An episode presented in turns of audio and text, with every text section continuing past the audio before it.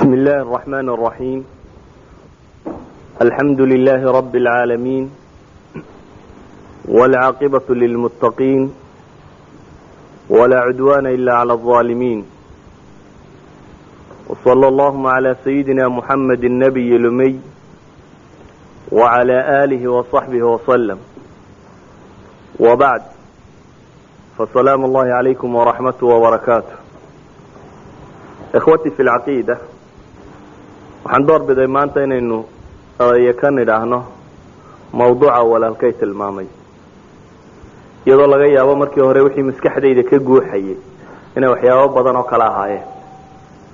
Laakiin nadwadii shalayta halkan ka dhacday inbaa waxa i dareensiisay malaa inaan wax ka idhaahdo mawduuc noocaa ku saabsisan annadwa siyaasiya amis culamada halkan ku gelaysay waxaynu u baahanay inaynu tilmaamno macaalim iska guud oo laga yaabo inta badan inaad garanaysaan laakiin aan jeclahay inaan dib idin xasuusiyo.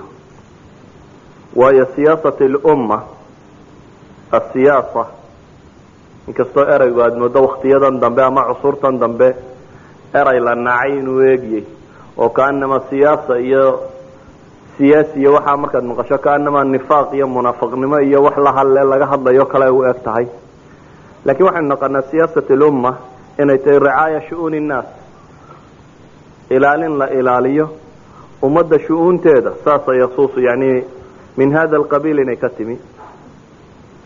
Dadka ilaaliya ummadda tanina inay dad gaara iska ahaayeen. Oo xataa uu nebigu calayhi salaatu wasalaam ku tilmaamayo reer banu israa'iil kanat banu israa'iil tasuusuhum اlanbiyaa kulamaa halaka nabiy khalafa nabiyu min bacdi walaa nabiya bacdi wuxuu nebigu tilmaamaya calayhi salaatu wasalaam banu israa'iil waxa siyaasadooda wadi jiray ama hogaankooda hayn jiray ama hagi jiray ummadda. Siyaasaddu waa hagitaan. Dad la hago salaa wanaagga lagu hago iyo xagga khayrka qabta. Waxaa hagi jiray buu nebigu leeya calayhi salaatu wasalaam reer banu israa'iil ambiyo amase nebiyo. Nebiyadaasi khayrkay dadka u hogaamin jireen.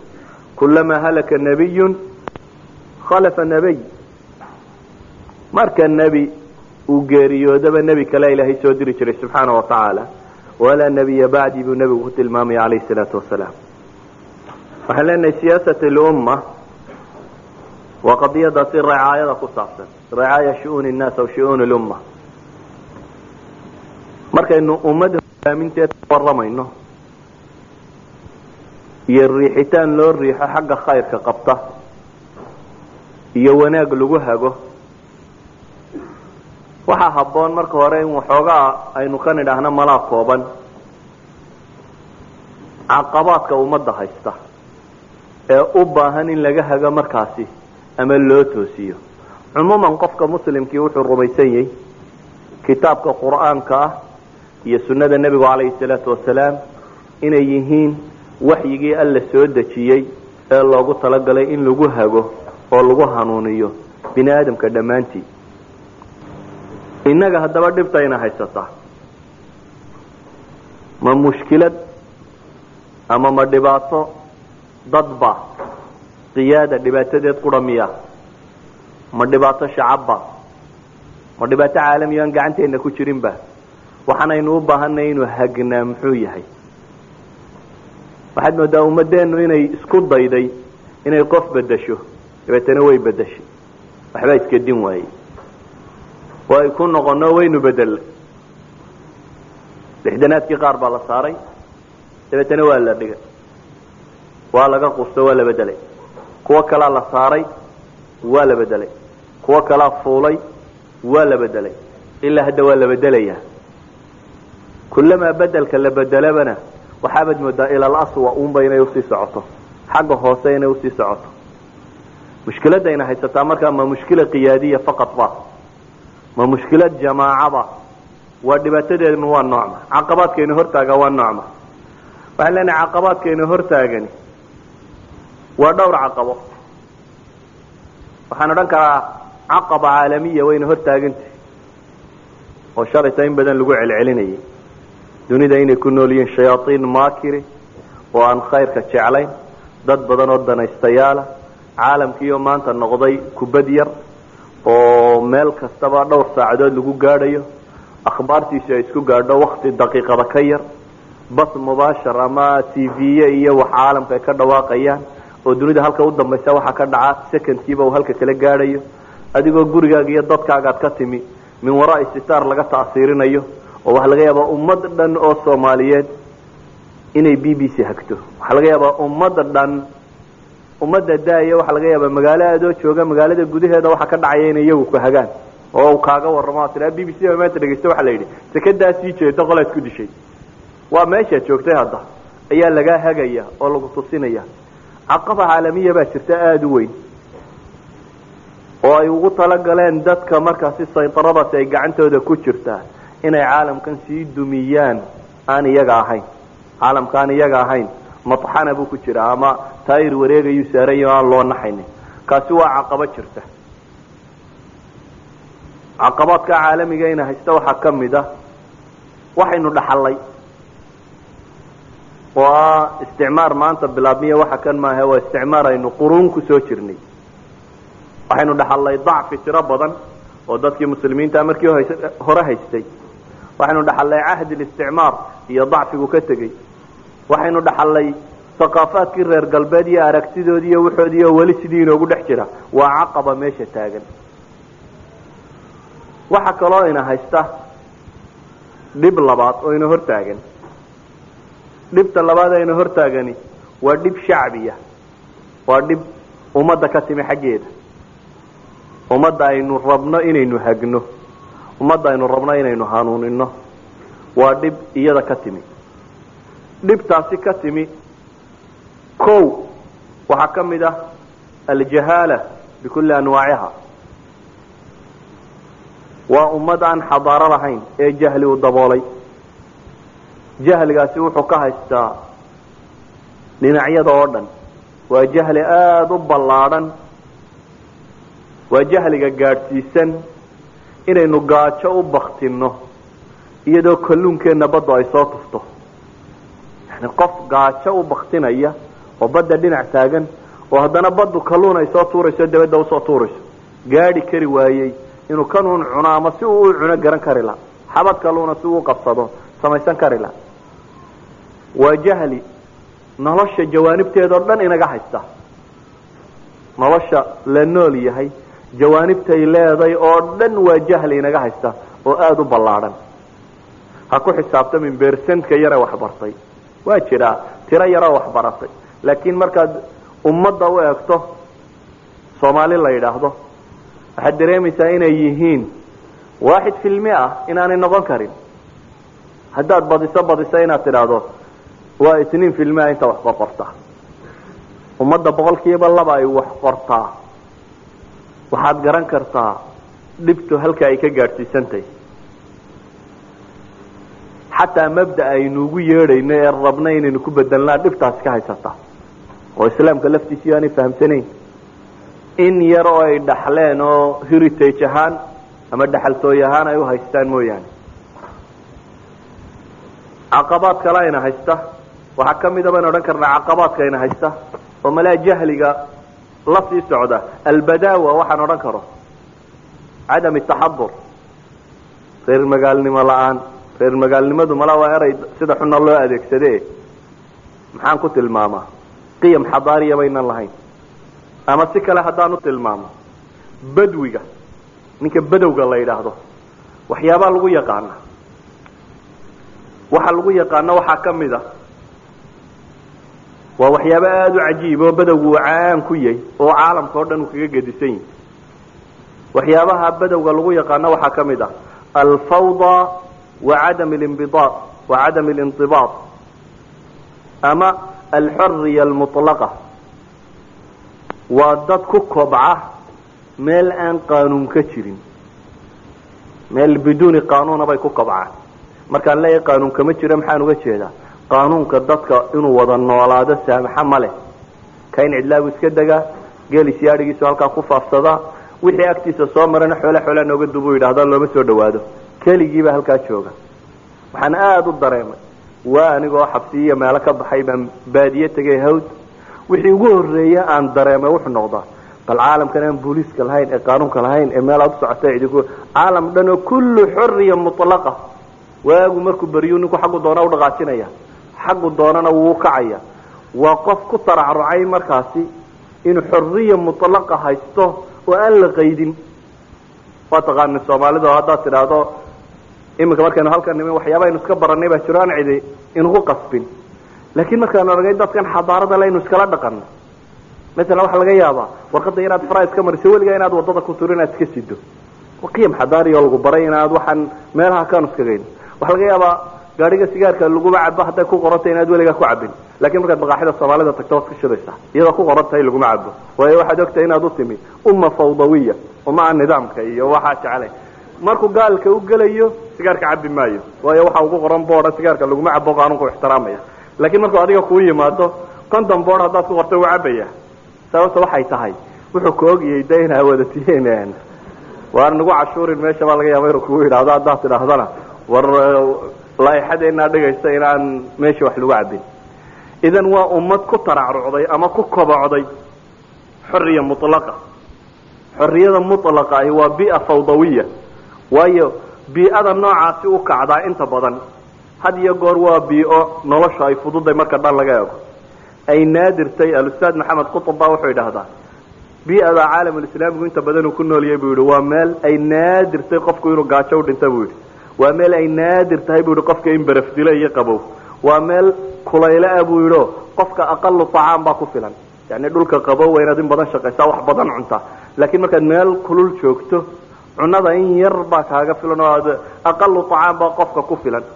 Waa meel buu leeyahay qofku markaasi inta badan ay isaga barteen intan yarna in la heli karo si kastaba ha lagu hele shaxaad lagu heliya mid kale gurigiisa laga soo cunya intan yare beerka lagu toosinayana waa in la heli karo waa meeluu qofku dareemayo shalay wuu noolaa maantana wuu noolyahy waayaan mustaqbalka uga sii fekeraya berina waad iska noolaanaysaa waayo berita waxay la tahay shalay siday ahayd unde maadaama shalayba uu noolaa aanu waxaan ukhitadayn jirin ufakeri jirin nidaam u baahnayn.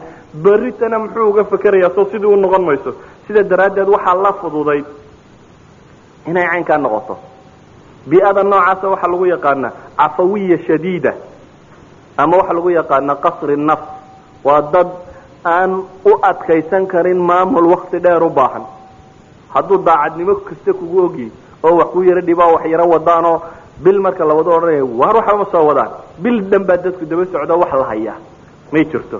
Waayo nafas tawiila ma leh khuta baciida ma leh waxaasi o dham way ku adagtay ninka soomaaliga ah waxaan idin tusinayaa maanta waxaa la ikaasa la sheegay imka haddaan idin wacdiyo oo idin idhahda ilaahay darti yaa u bixinaya jeebka gacantaa gelinaysaana wada bixinaysaan haddaynu idhahno waryaadhan waxa la bixiyo. Maxaynu bixinaa? Haddaad tidhahdaan aan idhahdo shan shan boqol maanta dhiga. Waxaa laga yaabaa in badan oo soomaaliyeed inay shan shan boqol dhigto. Laakiin haddaan idhahdo shanta boqol sanad baan idinku qaybinaya bishii afartan karawnaad soo bixinaysaa ama labaatan karawne imisaa laazimaysa ad umalaynaysa inay bishii labaatan karawna bixiso. Bishan labaatankan inaga wada bixiya. Bishan waa ku soo ridaysaa ta dambe dadkii lix boqol baa ku soo ridaya.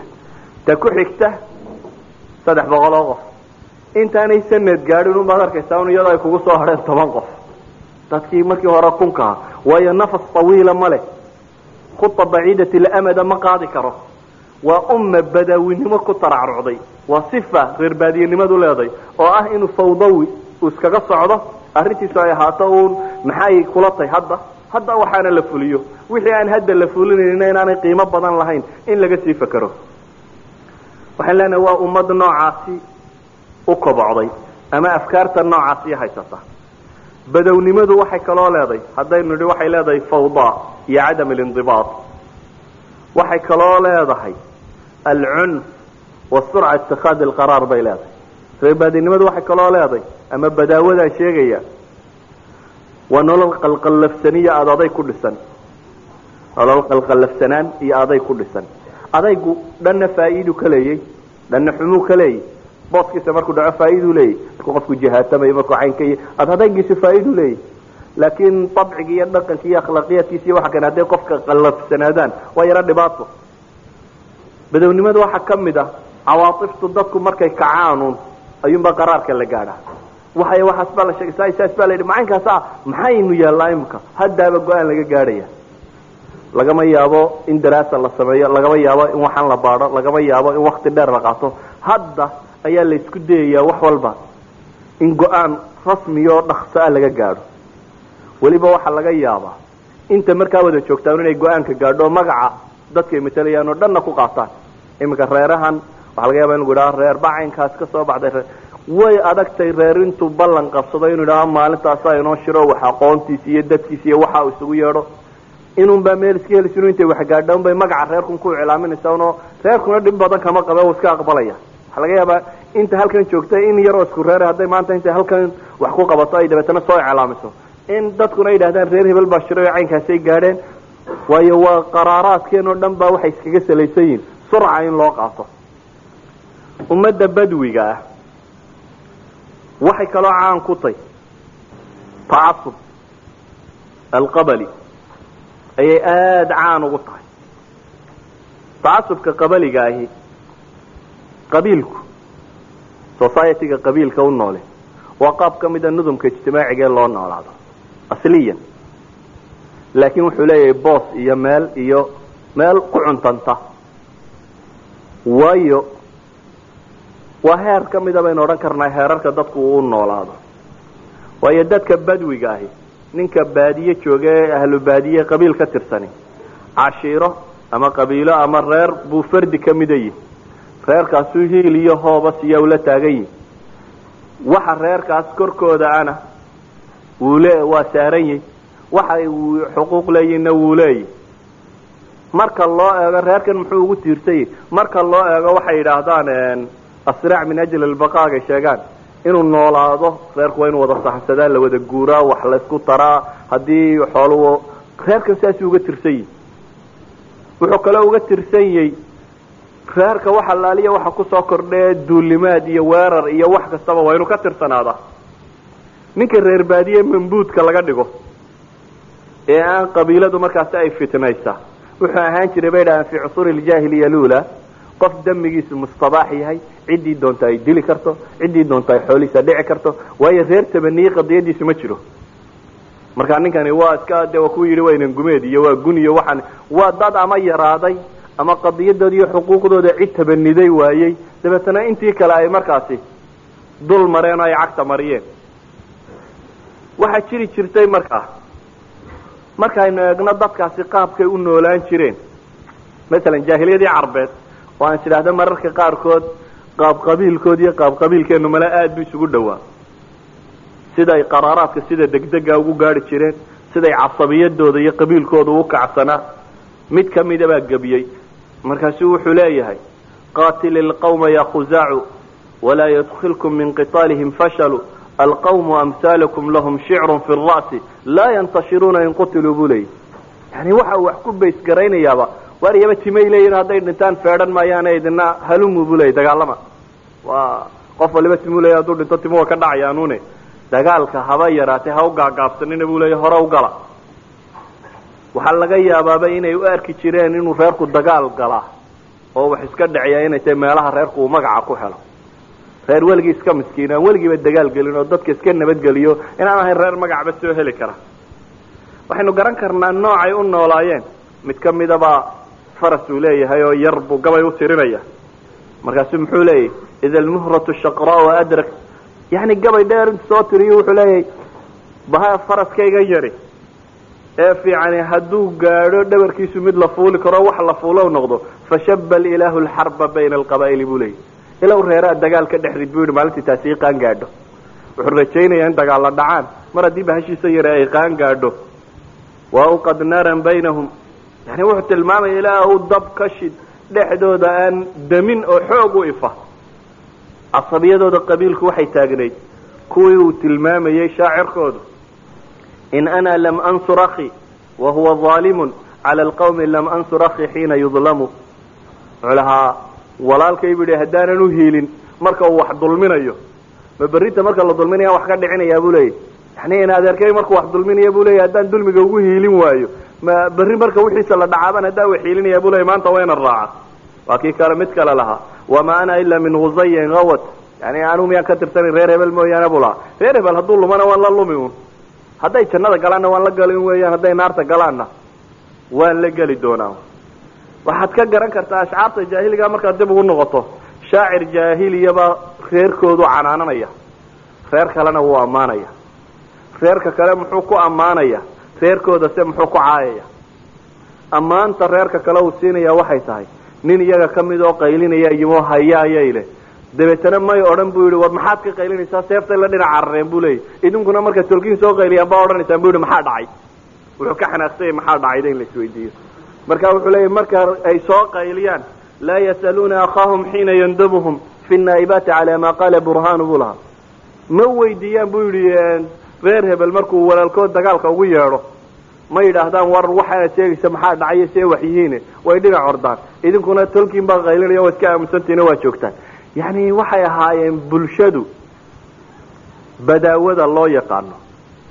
Saddexdaas sifaynu odhan karnaa bay leeyihiin inay ummad nidaam aan ogolayn yihiin oo nidaamka aada u neceb aan u hogaansanayn waxooduna fawdo iskaga salaysan yihiin inay yihiin bulsho had iyo goor lagu yaqaano qaraaraadkoodu si degdega inuu u go-o inay yihiin dad lagu yaqaano. Walaa acmaa inay siiyaan qabiilka ama casabiyada. Waa caqaba shacbiya. Idan waxayn leenahay quwa caalamiya way jirtaa. Oo waddankeena iyo dadkeena iyo ummaddeeni khalkhal gelinaysa.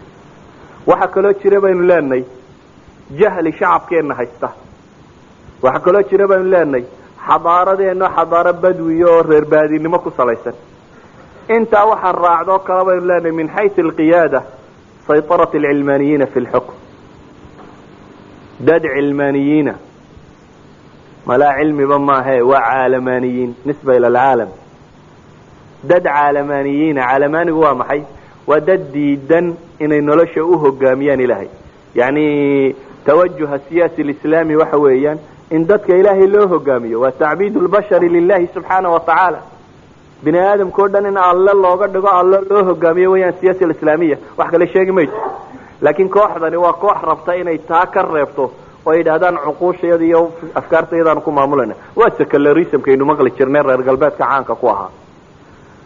Fi'adaa yar oo isticmaarku uu rabaystay oo isagu uu tababaray oo aada wax u baray oo uu baray in ay bulshada isaga gadaashi hogaamiyaan ayaa isagu markuu tegay hogaankii qabtay. Yani waxaan odhan karaa isticmaarku intuu albaabka ka baxay ayuu mudaaqada ka soo galay.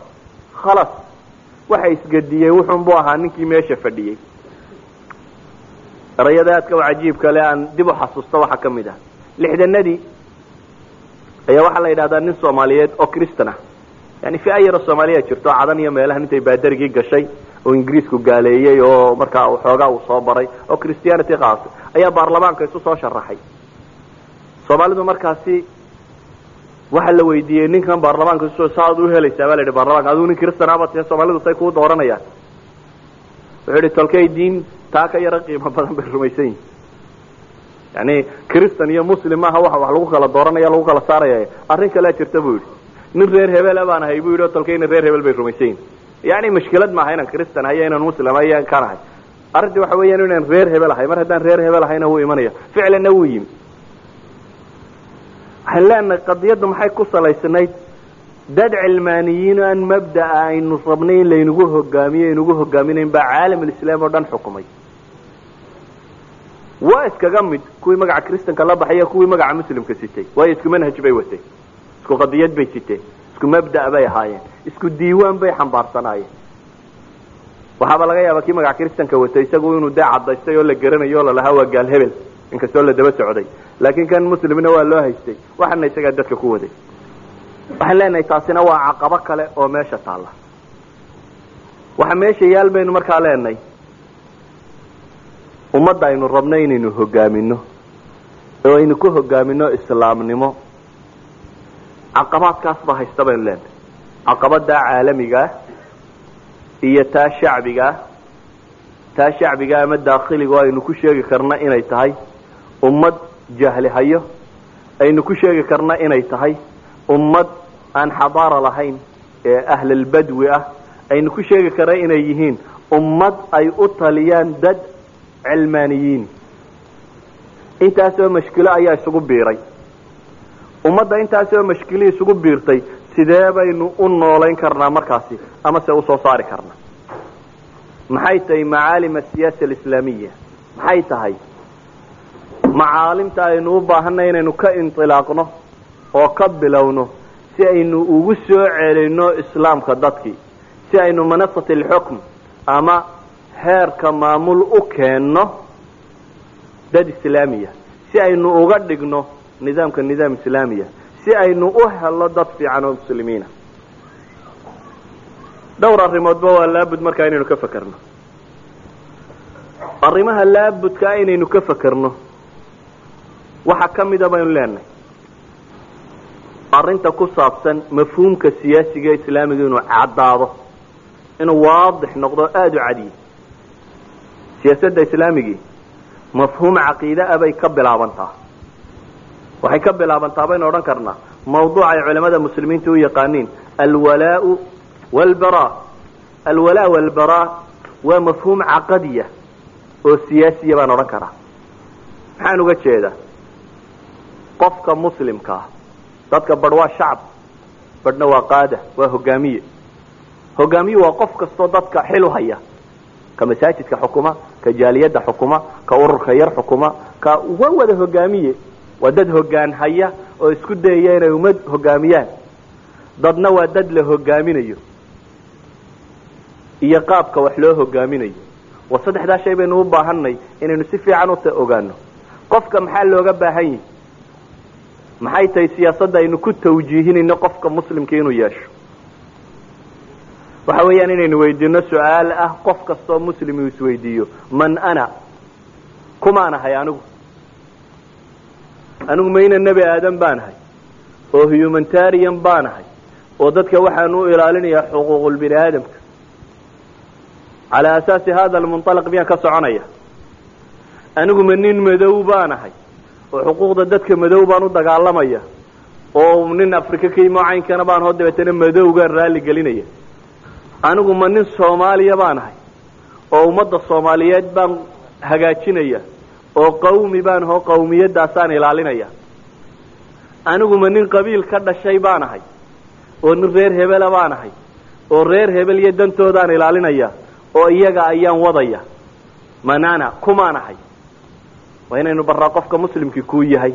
Markaas baa caddaanaysa cidda uu hiilinayo iyo cidda uu ka hiilinayo cidda uu raacayo iyo cidda aanu raacayn hiilka iyo raacistu xoog iyo xoolo qura la bixiyo maaha. Xataa waa naftaadu wararka qaar baa markaad hesha naftaadu ay ku raaxaysanaysa wararka qaar baa naftaadu marka hesho aad aada u nacaysa aad ka barooranaysa kumaan ahay waa inaynu weydiinaa qofka muslimka waa inaynu sheegnaa qofka muslimkii kuu yahay. Waxaan leenahay qofka muslimka ahi waa qof rumaysan mabda'a universalism nationalism maaha. Waa universalism. Wuxuu rumaysan yahay waa mabda' caalamiya buu haystaa kuma xidhna midab kuma xidhna qowmiyad kuma xidhna gobol kuma xidhna dhul. Wuxuu ku xidhan yahay ideology caqiido mabda wuxuu rumaysan yahay buu ku xidhan yahay waa wax qof waliba dooran kara buu ku xidhan yahay inta kale ma dooran kartid. Ilaahay baa ina aadam kaa dhigay. Ilaahay baa ama madow ama caddaan kaa dhigay. Ilaahay baa ama soomaali ama carab kaa dhigay. Ilaahay baa reer hebel ama reer hebel kaa dhigay. Doorashaba kuma lihid. Waxaan leenahay qofka mu'minkii waa inuu ahaadaa wuxuu dooran karo. Wuxuu dooran kara buu yihi dabeetana wuxuu yahay qof muslima qof muslima markuu yahay waxa u caddaanaysa yuu u hiilinayaa yuuse ka hiilinayaa. Siyaasaadkiisu xaggee u jeedaa asiyaasa alcaalamiya dunidu way is haystaa meel kasta waa la isku haya. Soomaali qura maaha meel kasta waa la isku haya. Caalamka mujtamac duwali wax la yidhaahda baa jira. Mujtamaca duwaligii qadaayaadkaasi caalamka ka socda mawaaqif buu ka leeyahy almujtamac almuslimi alcaalami mawaaqiftu ka leeyahy waa maxay mawaaqiftu ka yeelanaya waa siyaasadiisa xaggee u socoto. Idan macaalim asiyaasa alislaamiya waxa weeyaan baynu leenahay ugu horeyn inaynu fahmno manaanaha qofku inuu garto. Markaas buu garanayaa cidda uu hiilinayo iyo cidda aan uhiilinaynin qofka muslimka ah ilaahay baa wuxuu qur'aankiisa ku leeyahy innamaa waliyukum allahu warasuuluh waaladiina aamanuu aladiina yuqiimuuna asalaata wayu'tuuna azakaata wahum raakicuun waman yatawalla allaha warasuulah wاladiina aamanuu faina xizb allahi hm اlغaalibuun ya ayuha aladiina aamanuu la ttakiduu aladiina اtakaduu diinakum huzwa walaciba min aladiina uutuu lkitaaba min qablikum wاlkufaara awliya wاtaquu allaha in kuntum mu'miniin fi suurati lmaa'ida ilahay baa wuxuu leeyahy inamaa waliyukum allahu warasuuluh wاladiina aamanuu aladiina yuqiimuuna asalaata wayu'tuuna azakaa ilaahay wuxuu leeyahay waar waxaa idin weliya oo hiil iyo hooba idinka mudan oo gargaarkiina iyo arrintiina iyo hiilkiina iyo maxabadiina iyo kalgacalkiinaba le baa laleeyihi alle subxaana wa tacaala. Idan qadaayaadkaagu waa qadaaya siraac bayna alxaqi waalbail kulamaa xaq la sheego fa siyaasatuka macahum waa qadaaya mabda'iya wa rasuulih ilahay rasuulkiisa aad hiil iyo hooba la dhinac taaganta iyo waladiina aamanuu kuwa iimaanka laga helay. Weliba kuwa iimaanka laga helay baa asnaaf laga sii dhigay. Aladiina yuqiimuuna asalaata wayu'tuuna azakaat waa kuwa sifaatkaa leh. Salaada oogaya zakada bixinaya yani muslim xaqa kuwa a ilahay wuxuu ku tilmaamaya waman yatawala allaha warasuulah wladiina aamanuu faina xizb allahi hum lgaalibuun u xisbiga muslimka qofka muslimkii waa xisbige. Xisbi shuuciya ama mid dimuqraadiya ama mid horsocod ama mid xisbigaad ka tirsantay. Ilaahay baa wuxuu leeyahy waxa aada u hiilinaysaa u gargaaraysaa waa alle iyo rasuulkiisa iyo kuwa mu'miniinta intaasba inta ilaahay xisbi qura iskaga dhigay baa ilahay wuxuu leeyahy faina xizb allahi hum lgaalibuun ilaahay xisbigiisa ah kuwa haalibka ah ya ayuha aladiina aamanuu baa ilahay markaa leeyahy laa ttakiduu aladiina اtakaduu diinakum huzwa walaciba waar kuwa iimaanka laga helayo baa ilahay leeyahy ha ka yeelanina kuwa aan tala saaranaynin ama kuwa diintiina ka dhigtay dheeldheelka iyo jeesjeeska iyo waxa lagu cayaaro ee ahlu kitaabka kamida iyo gaaladii kale idinka idinka horaysayba wlkufaar awliyaa ha ka dhiganina baa leeyahy kooxaha ha uhiilinina wtaquu llaha in kuntum muminiin. Waxaan leenahay marka qofka muslimkii su'aashiisa koowaad ama siyaasadeenna koowaad waxa weeyaan inaynu caddayno dadka muslimiinta iyay uhiilinayaan yeeyiin xaggay ka tirsan yihiin khalalka kaa ku jira waxaan aada u xasuustaa. Maalin habeen dhaweyd baa waxaa muxaadara jeedinaya axmed abulaban caalimka muslimka ee xaggan degan markaasu wuxuu soo naqliyey laba qowl oo aada u gariiba oo jaraaidka caalamka qorayeen qowlka koowaad waxa weeyaan bakistan ayaa waxaa ka dhacay doorasho. Doorashada dadkii ka qayb galay waxaa ka mid ah axzaab muslimiina. Kama hadlayno masalada in la galaa ma banaantay mise ma banaana masaladaas waa masale kale. Laakiin waxaan kuu tilmaamaya ka qaba inay bannaan tahay haddana bal caqliyaadkoodu siday ufakerayeen doorashaa la sameeyey kuwii islaamiyiinta ahaa ee markaa iyagu ku dhawaaqayay islaam baanu u gargaaraynaa dhan bay mareen aljamaca alislaamiya iyo kuwaasi ay hogaaminayaan kuwii u dhawaaqayay annudum dimuqraatiya iyo nidaamada dimucraciga ku salaysan ee reer galbeedka iyo waxaas baanu u gargaaraynaa kuwii u dhawaaqayayna dhan bay mareen. Qolo nin markaa dee wadadnimo lagu tuhmayay soo wadaan iyo mabdi'iisii iyo mashruucaadkiisii qolana waxay soo wadaan gabadh yar oo reer galbeeda oo maraykan iyo meelaha ka timi oo afka soo casaysatay oo dabeetana wada iyana mabda'a galbeedka ka yimi. Bulshadii waxaa la weydiiyey. Istiftaag waa maxay? Bulshada waxaa la weydiinaya markhaataanu idin weydiine kayagee xaq u leh inuu dadka xukumaa bulshadii la weydiinaya. Sanaaduq ilikhtirac macno kale ma leh. Waa dad bulshadaynu xakam ka dhiganay yidhi oo ina kala xukumaya. Maxay nagu kala xukumayaan waar kayagee xaq ule bay leeyihiin inanu xukunno wax bulshadu markaa waxay leedahay de ciddaasaa xaq ule ay ugu ridaysa. Fawdka inaad ku ridaysa macnihiisu waxa weeyaan oo xaq u leh inaad xukunto. Waa shahaada shahaadaduna dee islaamka meel bay ka joogtaa aada u khatara. Shahaadatu zuur markhaati beenaaluhu. Xisbi aanad ku ogtay inuu dad khiyaamaynayo qiyaamaha markaad ugu riddo markaad ugu riddo uu ninkii meesha fuule uu wax dhibo aakhire qiyaamaha kuwa loo qabsanayaad ka midti wuxuu dhibay keligii maaha. Waayo waa taqaanay waana la garanaya xaggu wax u wado. Adaana codka kan siiyey. Macnaheedu waxa weeyaan adaa ka raalli aha in dadka kan la dulmiyo. Oo sida tan u siiyey. Qiyaamaha ilaahay adigu wax kaa weydiinaya wuxuu gubay ninkaasi oo dhami. Waayo waa mawqifkaagii siyaasiga ah ayaad istaagtay. Qofka muslimkii mawqif siyaasiyo cad waa inuu yeeshaa. Shahaadada waman yaktum ilahay qur'aanka wuxuu inoogu tilmaamaya qofka shahaadada qariya. Dembiga uu leeyahay siday uxuntay qawlat zuur baa qur'aan ayuu xadiiska nebigu alayhi salaatu wasalaam shahaadati zuur baa laynoo tilmaamaya. Intuu wax ka degay ka degay nebigu isagoo jiifa. Inuu soo kacay isagoo aad uga digaya shahaadati zuur istiftaagan dadka la weydiinaya waa markhaati. Waa dad laleeya war xakam noo noqda. War kaayagee gar leh. Yaa mudan inuu dadka xukumo. Kaayagee mabda' fiican. Kaayagee cadaalad wada.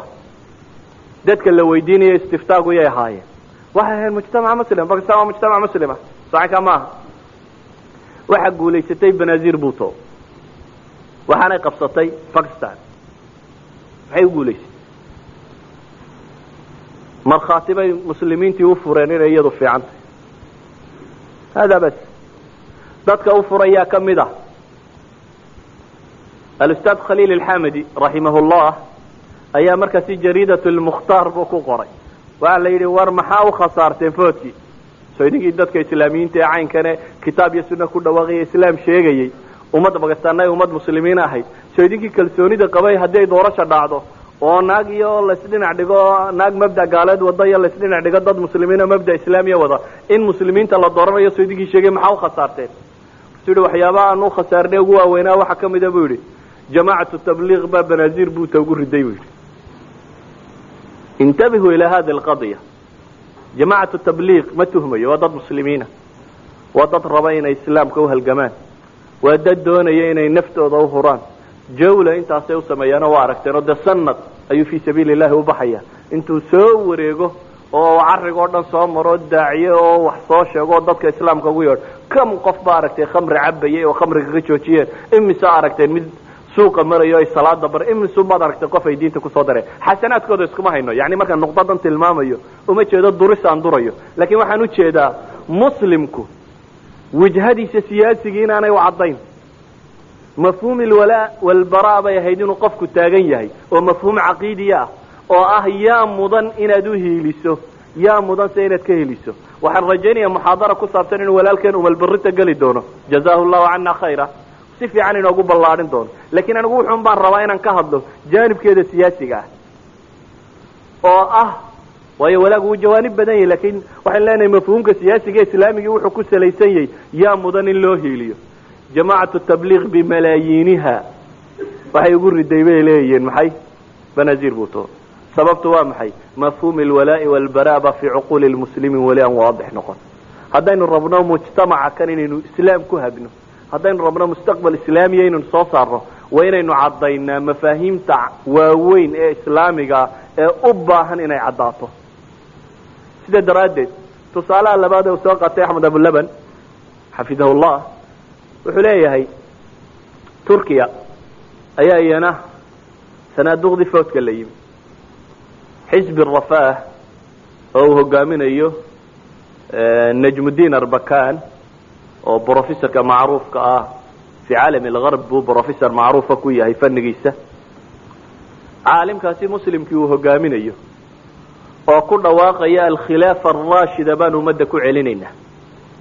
Waxaananu soo celinaynaa khilaafadii dadka muslimiintaa ka luntay iyo axsaabtii cilmaaniyiinta ee lahaa waxaanu rabnaa annudam algarbiya reer galbeedka ayaa la yidhi sanaaduq ilfawt baa la dhigayaayo waa sanaaduq ilikhtirac oo kaasoo dadkaa la weydiiyey su'aashii baa timi yaa xaqule inuu meesha maamulo.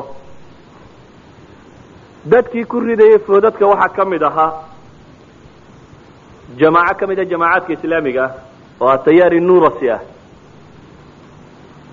Tayaarkaasi waa koox ka mid a kooxaha islaamiga ah caalim weyn oo muslim ay ka dambeeyaan caalimkii waktigii atatorkiya noola waa caalim runtii diinta islaamiga aada ugu soo halgamay wax weynna u soo qabtay waktigii culamada la laayey ee la cadaadiyey ee inta la soo qabtay turkiya o dhan waxay caalim lahayd. Inta meel la isugu keenay buu madaxa ka wada gooyey mar qura. In yar baa ka firdhatay oo sheekhulislaamkii turkiya markaasi ay ka mid yihiin mustafa sabri ninkii la odhan jiray masr degay falastiin iyo masr iyo meelaha waxoogaa yaroo firdhaday mooyaane waxay turkiya caalim lahayd. Intuu qabtay kamal ataturk buu madaxa ka jaray. Dabeetana siyaasadiisii cilmaaniga ahayd buu keenay. Waa kii wadankii khilaafadii bedelay ee jamhuuriyadu bedelay nidaamkii oo dhan bedelay. Haluma dabeetana caalimka kani wuxuu isku dayey dadka caqiidadii iyo waxoodii iyo mabaadi'diiba ka fasaadeen inuu islaamka ku celiyo. Jamaaca saaxadii siyaasiga ahaydna way xidhantay markaasi markaa juhuuddiisu umay badnayn fi siyaasiya. Jamaaco islaamiya jirto isaga ku ta'asurtay oo ilaa hadda nool. Waa jamaaco islaamiya oo degan oo islaamka wada waxaa la leeyahay markii sanaaduuq aliqtiraac la yimi gartay ninka leh waxaan ima banaanay iskaga tegay aan waxba ku ridin kaasi bal meel isagoo iska joogo. Waa qoladii iyagu ku socotay sanaaduuq aliqtiraac inay wax ku ridayso. Ayaa ku riday markaasay ugu rideen ayo sulayman dimrial ninkan meesha haysta cilmaaniga ah. Waa cilmaaniyiinta caalam islami ugu waaweyne macruufkaabu ka mid yihi ayay ugu rideen meesha markaa maxaa yaalla waxaa yaalla mafhuum alwalaa'i walbara baan caddayn waxaan meesha oolin. Asiyaasa alislaamiya mafhuumkeedu waa maxay? Waa tanshi'at almuslim almunfasil can lmushrikiin in la helo. Muslim shucuuriyan caqiidiyan mabda'iyan munfasalka oo ka baxsan gaalka ka baxsan. Walidalik baa nebigu wuxuu leeyay ana bari'un man aqaama bayna dhahraniya almushrikiin. Ana bari. Beri baa ka ahay buu nebigu leeyahay mushrikiinta dhexdooda ninka dega yani mufaasalada waxaa la gaadhsiinaya xataa hadday gaadhi karto alhijra inay gaadho oo qofka muslimkii beri ka ahaado. Ilahay baa wuxuu leeyahy law tazayaluu lacadabna aladiina kafaruu laabudda min zayaala. Zayaala bayna almushrikiina waalkufr. Qoladii reer maka ahayd baa ilahay wuxuu leeyahy law tazayaluu waa maxay law tazayaluu nabigu alayhi salaatu wasalaam iyo saxaabadiiba soo duushay way soo cimro tageen waa tii loo diiday sulxu xudaybiya. Muslimiin mustadcafiina ku jiray maka oo aanay garanaynin dadka muslimiintii dabeetana ilahay wuxuu leeyahay hadday ka bixi lahaayeen hadday kala siibmi lahaayeen gaalada iyo muslimku ilahay wuxuu leeyahy subxana watacala lacadabna aladiina kafaruu. Waanu cadaabi lahaynba kuwii gaalay. Laakiin waxaa laga dhex fujin kari laayay kuwii kale ku dhex jira. Waxaynu u baahanay qofka muslimkii qadaayaadkiisa inuu fahmo. Waxaynu leenahay macaalim asiyaasa alislaamiya kow waxay ku salaysan tahay mafhuumi alwalaa'i walbara wuxuu ku salaysan yahay yuu qofka muslimkii u hiilinaya waa inuu noqdaa inuu uhiilinayo qof kastaoo muslima fi anxaa ilcaalam meeshii la doonaba ha lagu dhibayo.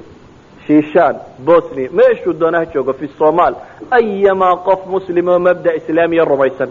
Oo le ilaah iyo rasuulkiisa aan u gargaaraya ayuu uhiilinaya idan waa garateen almacaalim asiyaasiya lula nuqdadii koowaad oo ah man ana ana muslim. Huwiyadaydu identitygaygu waxa aan sita ee ii calaamada ahay basaboorka aan sitaa ama jinsiyada aan sitaa maaha somali maaha qowmi maaha african maaha waxaasoo dhan maaha waa muslim. Idan meesha muslim iyo cid kale isku haysta ana maca almuslimiin. Meesha doorasho islaam iyo kayrkeed ay joogaan ana maca almuslimiin. Waxaan ahay jaanibka islaamigaa ku taagan. Waayo dadka saalixiintii xagga hore ma tegi karaan. Maxaa ka dhigay? Dadka saalixiinta inay dadka hogaamiyaan ba ugu fiican ummadii muslimiinta hore waxaa hogaaminayay dadkii muslimka ugu fadli badna abibakar cumar rag aan rag daba dhiganayn baa hogaaminayay laakiin waxaa meesha keenay muxuu ahaa? Mafhuumkay rumaysnaayeen dadkii muslimiinta ahaa. Waxaan leenahay marka asiyaasa alcaalamiya kale waxaa laga yaabaa mafaahiimta xataa islaamigii xad inay gaadhsiisantahay mushriga iyo ahlu kitaabka la kala dhawaysanayo. Oo fii suurati rum waxaa taqaanin qisaday ku soo degtay. In bersia iyo ay isdileen maxay?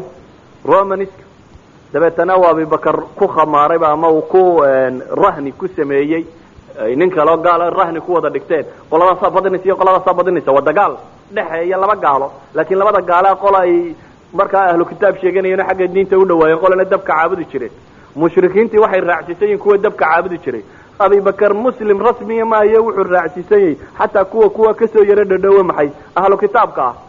Markaasaa ilaahay qur'aan soo dejiyay uu leeyahy gulibat iruumu fi adna alard o min bacdi galabihim sayaqlabuun waxaan leenahay ilahay wuxuu leeyahy itaquu llaha wakunuu maca asaadiqiin man ana yaan uhiilinaya ilahay baa wuxuu ku leeyahy itaquu llah wakunuu maca asaadiqiin waar alle ka cabsada oo raaca kuwa runta sheegaya.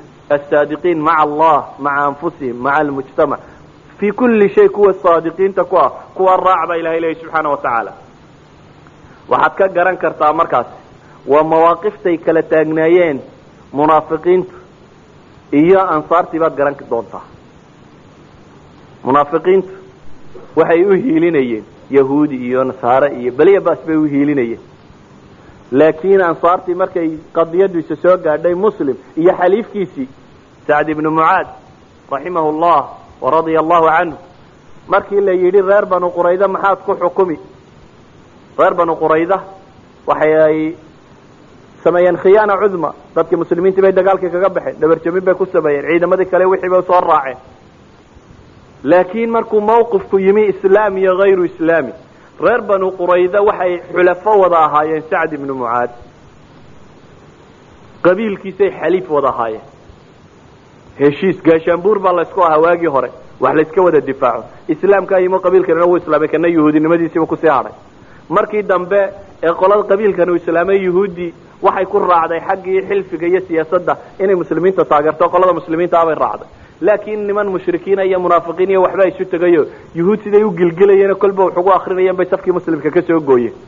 Oo ay yidhaahdeen axzaab baa soo ururtay. Caalamka o dhan baa markaa muslimka isugu tegey waayo caalamkii waagaa joogay. Dee wuxuu ka koobnaa maxay?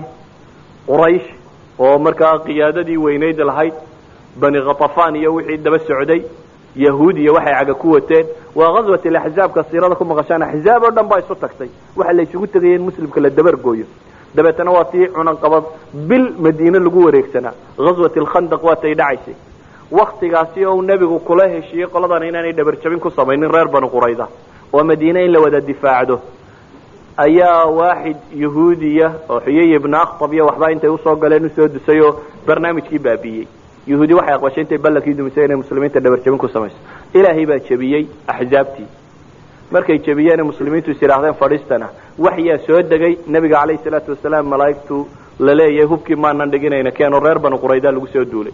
Reer banu qurayda duulimaadkoodii markuu yime muddo la hayeyna inxisaar baa lagu heshiis gaashaanbuur baa laysku ahaa waagii hore. Wax layska wada difaaco. Islaamkaa yimo qabiilkanina wuu islaamay kana yahuudinimadiisiiba ku sii hadhay markii dambe ee qolada qabiilkan uu islaamay yahuudi waxay ku raacday xaggii xilfiga iyo siyaasadda inay muslimiinta taageerto qolada muslimiinta abay raacday. Laakiin niman mushrikiina iyo munaafiqiin iyo waxba isu tegayo yuhuud siday u gilgilayeen kolba wax ugu akrinayeen bay safkii muslimka ka soo gooyeen. Oo yidhaahdeen axzaab baa soo ururtay. Caalamka o dhan baa markaa muslimka isugu tegey waayo caalamkii waagaa joogay. Dee wuxuu ka koobnaa maxay?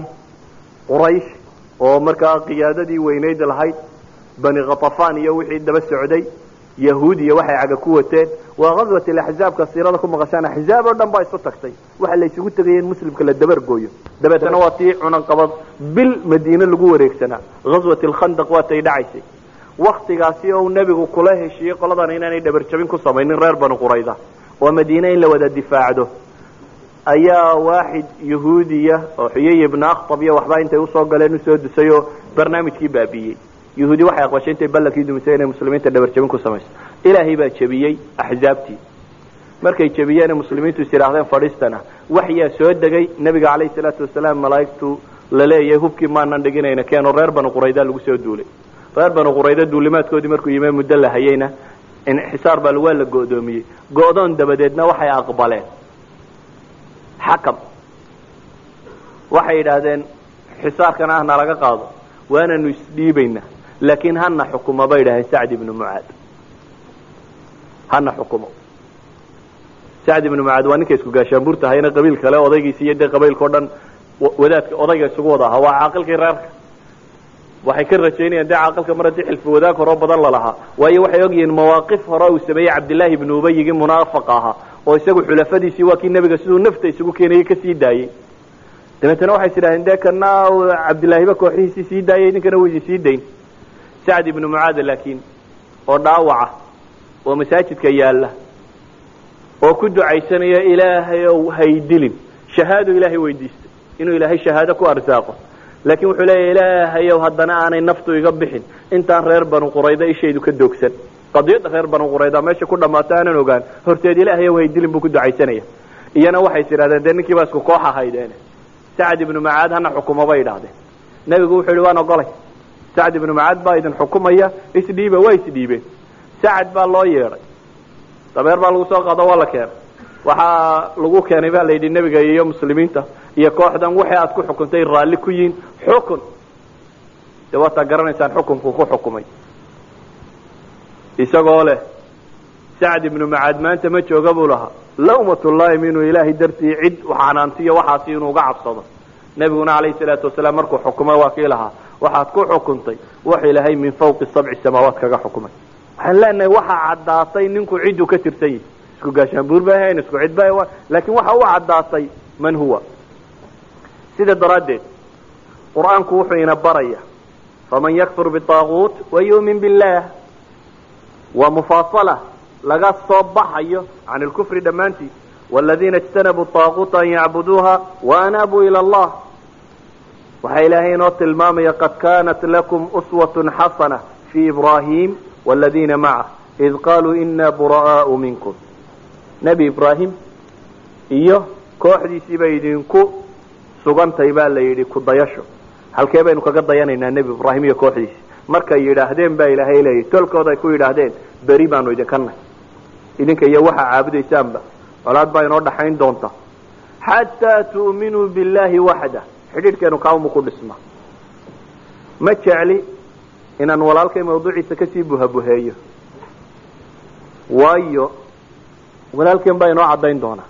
Laakiin waxaan anigu ku dhaafaya mawqifka odhanaya mafhuumi siyaasa alislaamiya wuxuu ka bilaabmaa mafhuumi alwalaa'i walbaraa oo mafhuum caqadi iyo caqiide ku saabsana oo ah inuu qofku muslimkii fahmo. Manana aniyan waxaan leenahay mas'alatu lqiyaada baa timi. Mas'alatu lqiyaada oo hogaamintii shacabkii wuu fahmay ciddii u gargaarayo. Laakiin shacabku wuxuu u baahan yahay qiyaada maamul iyo hogaamin wuxuu kaloo u baahan yahay jamaaca. Waa laba qadiyadood oo u baahan iyaguna inay waadix qofka muslimkaa caqligiisa ku ahaadaan.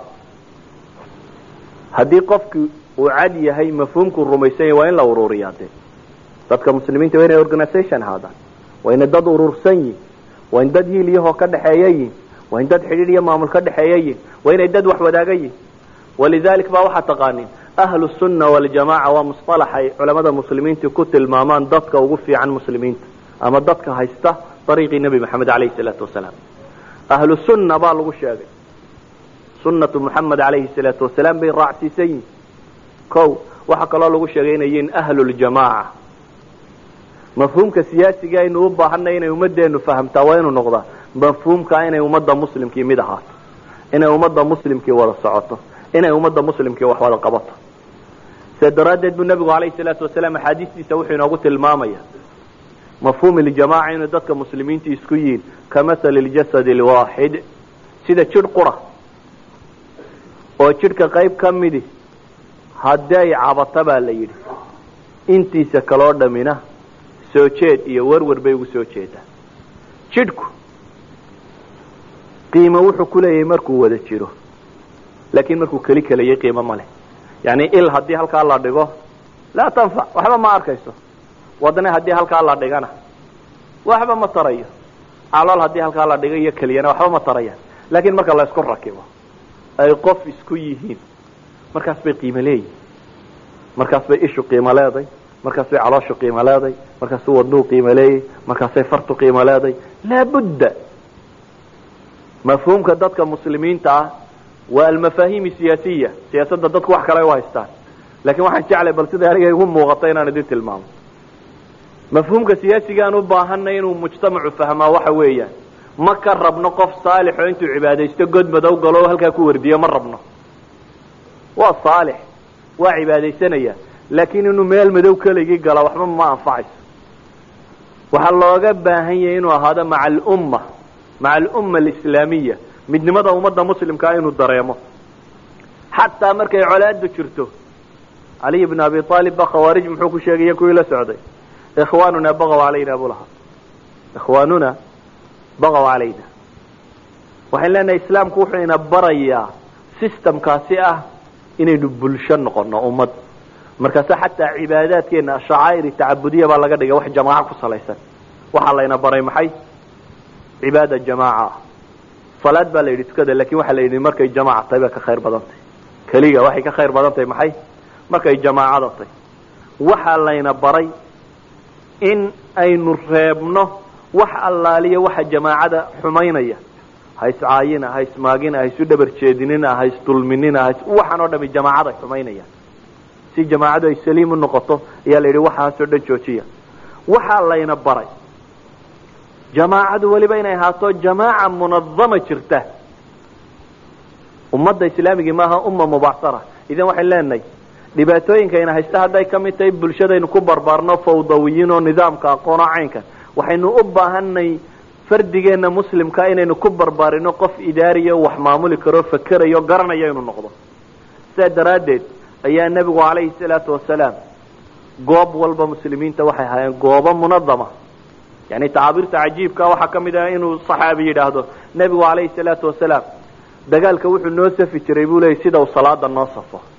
Bal tacbiirka ufiirsa sida uu salaada noo safo ayuu dagaalka noo safi jiray. Yani laabudda min sufuuf laabudda min umma munadama ummad maamul iyo nidaam leh waa inay jirtaa. Walidalika ba waxaan leenahay salaadaheeni cibaadadeeni soonkeeni waxaa laga dhigay ummaddu inay wakti qura wada yeelato. Xajkeeni waxaa laga dhigay inay ummaddu wakti qura isu wada timaado zakada aadaab ijtimaaciya baa laynoo sameeyey. Waxaasoo dhami waxay ku tusinayaan inaynu u baahanay caqliyo jamaaceed inaynu dadka ku abuurno caqliyo jamaaceedna abuurmi mayso caqliya tandiimiya inaynu samayno mooyaane caqliyad maamul iyo nidaam aaminsan caqliyad xerownimo ahi waxba ma tarto. Waxay tartaa inay saxdo mafaahiim qayb ka mid oo deris la dhigaa. Lakiin waxaynu u baahanay mafhuum yaroo hadda xarak iyo qur iyo waxaa maaha waxaan sheegaya waa umma umma. Ummaddu inay mid noqoto inay ballaadhnaato inay ku dadaasho inta ay sii weynaan kartaba inay sii weynaato inay haysato. Waxaa laynaga reebay markaasi asbaabta jamaacada kala tuuraysa dhammaanteed oo dhan waxaan u malaynayaa waktigu inuu cidhiidh iska yihi marka waxaan jeclaya inaan soo koobkoobo qadiyadda saddexaad aan isaga gudbo. Waxaynu u baahanay qiyaada. Qiyaada markay dadku maqlaan caqligooda waxaa ku soo degdega madaxweynaha iyo ra'iisul wasaaraha iyo taasoo qura qiyaadadu maaha. Alqiyaada fi kulli mustawayaatiha baynu rabnaa. Waar gurigu qiyaadu u baahan yahi guriga dumistiisa waxa badiya. Qiyaada xakiima marka la waayo ninka iyo gabadhan laisdhinac ceryaya iyo dagaalkan iyo waxaan la leeyahay xuquuq baa loo doodayayo war dadka muslimiinta xaq ilayno xaqa ilaahay dejiyaa loo dooda. Ma jirto ra'yi la yidhahdo anigu xaqa dumarkaan u dooda iyo ra'yi yidhahdo anigu xaqa raggaan u dooda. Waa ragga iyo dumarkuba waa muslim. Xaqa muslimku qofka muslimkiina u dooda. Ama gabadh ha ahaado ama nin ha ahaado ilaahay baa mid walba xuquuq u xadeeyey. Xuquuqda muslimkaa dhammaantood loo doona saf ragna kuma jirno xuquuqu dumarka la sheegayo xuquuqu ragga la sheeg waxaasi waa galbeedka waxa ka yimi dadis haystay ma ahayn dadka muslimiinta oo rag iyo dumar u kala safnaayo qoloba qolo xuquuq kuwani way is haystaan oo way isgumaysteen. Dabeetana xuquuqda xoog baa lagu kala dhacsaday. Nidaamka reer galbeed dimuqraadigan iyo waxa kan iyo dawladdan doorashada ku salaysan iyo waxa kan waxa qasbay niqaabaadkan iyo cumaashan iyo ururadan yaryar iyo waxaanoo dawladdu hadday waacato dad gilgiliyaa jooga ururo xuquuqdooda ilaashanayaa jooga. Laakiin inaga xuquuqda ilaahay baa ilaaliyo waa taha yidhi uma baahnid in loo loolame waxa loo baahanya in qofka la siiyo un xaq u lahaa. Waxay leenahay marka qiyaadadii baa xumaatay. Hadday tahay mustawa albeyt guriga. Hadday tahay mustawa almadrasa iskuolka iyo malcaamadda hadday tahay fi mustawa almasaajid masaajidka iyo sia loo maamulayo. Hadday tahay fi mustawa aljaaliya hadday tahay fi mustawa yani alxaraka. Alqiyaada ducfi aada u weyn baa ku jira. Qiyaadada islaamigii waa ahlulfadliga in la qadimo. Dadkii muslimiintii hore waxaa maamuli jiray cidda cilmiga leh. Abubakar iyo cumar iyo laakiin wadaada may ahayn. Yani markaynu cilmiga lena niman inta kitaaba soo akristeen un dabeetana kitaaba yaqaano may ahayn. Ee niman nolosha oo dhan yaqaana bay ahaayeen. Niman nolosha oo dhan yaqaana ayay ahaayeen.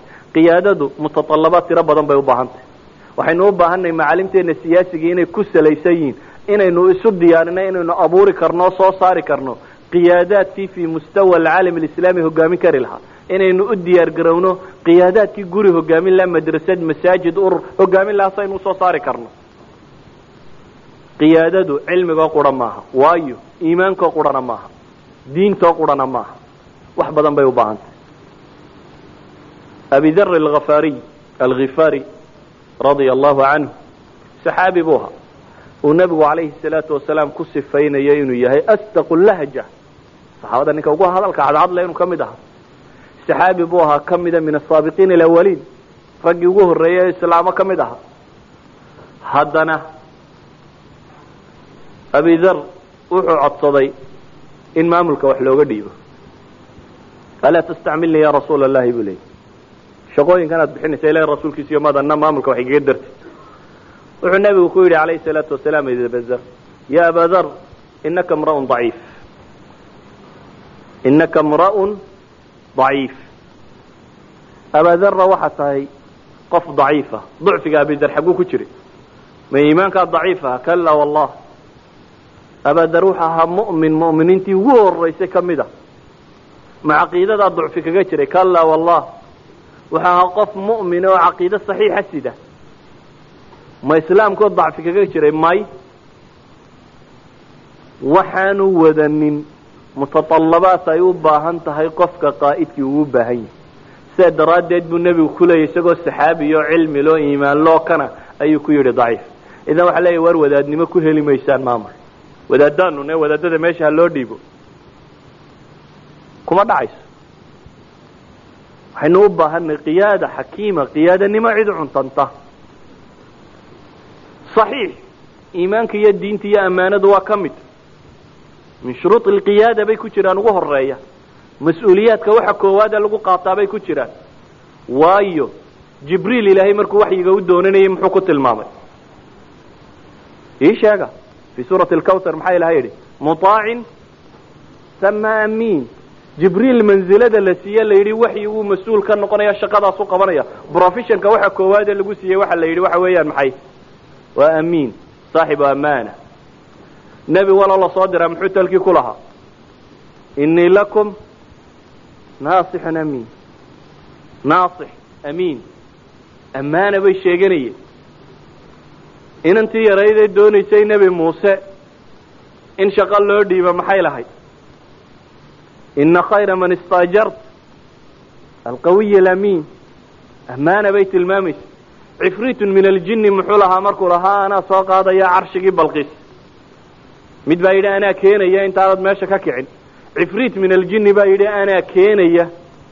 Muxuu jinku ku dacwoonaya u shaqada ku doonayay mu'ahilaadku watay shahaadaadku watay maxaa ka mid ahaa? Wa inii calayhi laqawiyun amiin buu lahaa. Xoog badni iyo ammaanaba waan leeyahy alamaana waa min addiin. Waatuu nebigu laha calayhi salaatu wasalaam qiyaamuhu dhici maayo ilaa iyo maxay xataa dayicat alamaana amaanadu markay dayacanto mooyaane goormay amaanadu dayacantay marka loo tiiriyo buu nebigu yidhi idaa wusida alamru ilaa gayri ahli amaanadu waxay dayacantay marka maamulka loo dhiibo cid aan u cuntamin alamaana waa shardi inkastoo soomaalidu maahmaahaan ka maqlay baa waxaa ka mid ah ninkay adhiga kala quustaan bay geela u dirtaan ba la yidhi ilmahay adhiga markuu ka sii daayo ka sii daayo la yidhaha geel ha lagu daro. Geelii baana labada ku qaalisanaa agtooda. Kay diji kala quusataa bay tidhaha wasiira laga dhigo. Kay doraad wasiirka kala quusatay berrinta madaxweynaha u dooratay iyo wasiirnimada. Waa shaakiladay hawdka kala timi. Ee ahaa adhiga kaka adkaan kari waaya. Geela ha raacdi weeyaan. Alamaana qadiya bay ahayd macruufa oo qofka mu'minkii uu ku xisaabtamo. Oo ah qofku inaanu wax qaban karin in ammaanadiisa la hubiyo mooyaane arbaciinkii ninkii la ogaaday inuu khaayinka ahaa. Ee khamsiinkii la ogaaday inuu khaayin ahaa. Ee sitiinaadkii la ogaaday inuu khaayiyey ee sabciinaadkii la ogaaday inuu khaayiyey ee tamaaniinaadkii la ogaaday inuu khaayiyey ayaa tisciinaadkii haddana loo dhiibaya ma haada? Dadku ma maskaxdaa ka tirsan. Maya almafahim siyaasiya almacaalim siyaasiya alislaamiya ayaa haa'iba cinda alumma. Ayaan jooginba. Dadkaan garanaynba cidday dooran lahaayeen. Dadkaan garanaynba cidda wax loo dhiibayo. Waa inaan gartaa intaanan sanduuquliqtiraac wax ku ridin sanduuqa wax lagu foodeeyo intaan la odhan dimuqraadiyad w foode ku soo rid waa inaan gartaa waxa wax lagu doorta criteriyu waa inuu iyo cadyi maxaan qofka ku qiimaynaya maxaan ku dooranaya? Markaan maxay ka helaa baan u baahnay inaan ugu rido? Ilaa markhaatigan ilaahay baa weydiinaya qiyaamaha eh. Waa markhaatiga ilahay baa weydiinaya. Waa inaan gartaa waxaan wax ku qiimaynayo si aan wax u doorto. Umma jaahilana ma garata waxay wax ku qiimaysa inay tiraa waa nala reer mooyaane. Ama waa nala qoys ama waa nala caynkan mooyaane waxaan leenahay marka ammaanadu waa shay asaasi ah. Laakiin waxaa kaloo asaasiya baynu leenahay alcilm walkafa'a in manaasishan qiyaadigaa aqoon loo leeyay iyo cilmi iyo hogaamin tusaalayaal baan idin siinaya nebiga calayhi salaatu wasalaam aan idinka siiya taarikhdiisi mujtamaca la hogaaniyaya dad baa u haysta mujtamacu inuu mujtamac malaa'iga iyo malaa'ig maaha dadka la hogaamiya waa bashar mujtamaca basharkaa maxaa ku jira? Waxaa ku jira munaafiq waxaa ku jira gaal waxaa ku jira muslim waxaa ku jira taqi waxaa ku jira faasiq waxaa ku jira qur'aanka waxa alfaad ku aragteen oo dhan baa dee ku jira. Mujtamaca la hogaaminayo ma aha inta salaada tukatay saful awalkii aan shanta salaadood ka habsaamin ee wada saalixiinta ah ilaahay ka cabsan intaa maaha inta la hogaaminaya dad baa u haysta mujtamacu inuu noocaa noqdo noocan uu yahay una qof waliba wixiisa ka adigo war nooca ma aha mujtamac darajo malaa'iga gaadhay caalamku ma jiro. Kii nebi maxamed calayhi salaatu wasalaam baa munaafiqiintu halkaa taagnaayay joogeen. Mujtamacu nebigu hogaaminaya yuhuud baa ku jirtay. Waayo dawla islaamiya bay ahayd. Taxta dawla islaamiya yuhuud baa joogtay. Munaafiqiin baa joogay. Bal waktiyada qaarkood gaalaa joogtay. Muslimiin baa joogay abibakar iyo cumar iyo cuثmaan baa joogay mujtamacu intaasu ka kooban yaha la hogaaminaya see loo hogaaminaya waxaan leenahay hogaamintu cilmay u baahan tahay iimaanka ka sokow cilmay u baahan tahay masalan tusaalehan siya munaafiqiinta. Munaafiqnimadu inkastoo malaa imika siyaasadaba nifaaqa loo yaqaano nifaaqu waa wax aada u khatar ah suurat albaqara ilaahay markuu muuminiinta ka warramayo shan aayadood buu ku sifeeyey. Gaaladii markii laga warramayna laba aayadood oo qura lagu sifeeyey. Warkoodaas ka cad munaafiqiintii marka ilaahay ka warramayay saddex iyo toban aayadood baa ilaahay kaga hadlay. Saddex iyo toban aayadood. Waayo qadiyadooda waa qadiyad khutuura badan leh. Qof kulana jira kaana jiro meesha joogo aan kaa maqnayn oo roorayo waa qadiya khutuuro midhana. Munaafiqiintu had iyo goor masaakiinta ma noqdaan. Masaakiintu had iyo goor muslim ba iska noqdaan. Hadday islaamaan islaamka iska wada qaataan. Munaafiqiintu had iyo goor waa kubaraa lqowmka atadruun akbar munaafiq fii cahdi saxaaba soo maray wuxuu ahaa cabdillaahi bnu ubay waladii tawallaa kibra akbar munaafiq cahdigii nebiga joogay calayhi salaatu wasalaam wuxuu ahaa maxay? Cabdillaahi bnu ubay. Cabdillaahi bnu ubay nifaaqa intan leeg maxaa ku kalifay? Kursuu doonayay isama wogti cabdillahi kursuu doonayo uu arkayay in laga qaaday. Waayo dhacdaa dhacday oo axad saxaaba markaasi nebiga uga warramay. Dhacdada dhacday waxay tahay ghaswati bani lmustaliq qadiyad weyn baa dhacday. Laakiin anigu aan meel qura u soo noqdo. Cabdillaahi ibnu ubay ibnu suluul wuxuu ahaa nin ka tirsan ansaarta qabiilkay ka tirsanaayeen. Khasraji ayaan rajaynaya aws iyo khasraj dagaalo badan baa soo maro xarbu bucaasa ugu dambeeyey. Oo shan sannadood la isdilayay. In yar ka hor intaanu islaamku soo gaadhin. Mararkuu islaamku soo gaadhayay unbay nabad qaateen. Ayaa labadii reer heshiiyeen. Waxyaabihii lagu heshiiyey waxaa ka mid ahaa in cabdillaahi madax laga dhigo. Oo suldaan loo doorto. Oo labada reer ba isku hogaamiyo cabdillaahi suldaannimadiibuu u sharaxnaa dabeetana waxaa loogu tala jiray in loo tolo kharsigii waxaa loo tolayay taajkii. Iyadoo taajkii cabdillaahi uu socdo ayay bacdi saxaaba madiine yimaadeen. Oo qoladii bayc alcaqaba luda iyo bayc alcaqaba taaniya dhacdo dabeetana reer madiine islaamka soo gaadho nebigu muscab ibnu cumayr uu u soo dirayo muscabna uu diintii ku faafiyo dabeetana islaamkii uu xoog faafayo ilaa hijradii dambe ay dhacdo nebigii iyo saxaabadiisiiba ay soo hijroodeen nebigu wuxuu soo galay baa la yidhaha madiina. Iyadoo ninkii l odayga ahaye la odhan jiray cabdillaahi ibnu ubay uu u sharaxanya kursiga madaxtooyada madiina. Oo markaasi taajka loo toli lahaa ayuu nebigu soo galay. Dabeetana dadkii islaamkii bay raaceen qadiyadii baa isbedeshay alwalaa walbaraagii baa dhan kale u janjeersaday dawla islaamiya baa meeshii ka asaasantay dadkii nebigoodii bay raaceen. Cabdillaahi colaad buu qaaday ee nebi maxamed kursu kaa qaaday. Colaadaas buu qaatay. Odhanaysa nebigu calayhi salaatu wasalaam wuxuu kaa qaaday kursigii. Dabeetana wuxuu bilaabay cabdillaahi. Oo aanu marnaba u yaraysan siduu mujtamacan muslimka iyo dawladda islaamiga u dumin lahaa. Wuxuu bilaabay intaanu soo islaamin. Saxaaba baa nebiga u yimaadeen waxay dh ya rasuulalahi kaali bal majliskayga soo wacdiyo. Meeshuu soo maray nebigu alayhi salaatu wasalaam. Wuxuu yimi cabdillahi ibnu ubay oo majlis fadhiyo wuu soo agmaray cabdillahi ibnu ubay baa afku ka xidhay nebiga alayhi salaatu wasalaam isagoo leh laa taqburu calayna annaga boodhkiina iyo qurunkiina xagga noola dhaafa buu leeyay. Nebigu alayhi salaatu wasalaam kooxdii meesha fadhiday buu qur'aan ku akriyey markuu waxoogaa ku akriyey ayuu wuxuu ku yidhi ijlis fii baytika walaa takshana fii majaalisina. Gurigaaga fadhiso hanaga imanin majaalista iyo wax yaga kan. Waa markii uu weli gaalnimadiisa caddaysanayay. Laakiin siyaasiyiinta waxaa lagu yaqaanaa kaadhka hore hadduu u waayo inuu deka labaad la baxo. Waa wariqa maxruuqa inaad noqotaa waa doqoniimo inaad meel iskaga adkaysato oo dabeetana ilan iyagu mabdiyiin maahe waa maslixiyiin dee maslaxaddu xaggaa u weydo. Hadday xagga kala soconayso dee waa la istaad raaciya xagga kalun baa loo raaca. Sida daraaddeed cabdillaahi gaalnimadii wuxuu arkay in dadkii laga kaxaysto dee meeshii aanay kursigaasi aanu xaggan ka soo noqonaynin. Dabeetana wuxuu damcay inuu xagga haddaba isu daad raaciyo xaggaa warjiraayo inuu xagga kan islaamnimadiibu iska soo qaatay. Laakiin maxay noqotay? Islaamnimadiisu sheeganayay.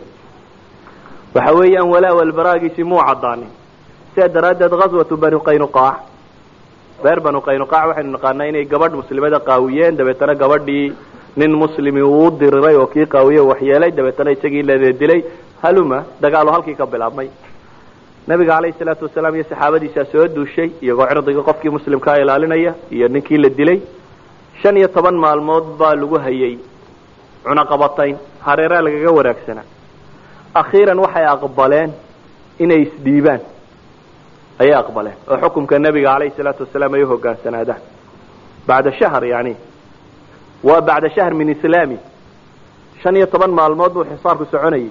Laakiin cabdillaahi markaa intuu islaamka caddaystay bil qura laga soo wareegay. Gebigiisuba saxaabadaba wuxuu la joogaa maxay? Waa bil waaxida bisha uu la joogo shan iyo toban waxaa socday. Xisaarkaa socday. Macnaheedu waxa weeyaan rabshadani intaanay dhicin shan iyo toban casho ka hor ayuu ninkani diinta soo qaatay ama uu islaamnimadiisa sheegtay.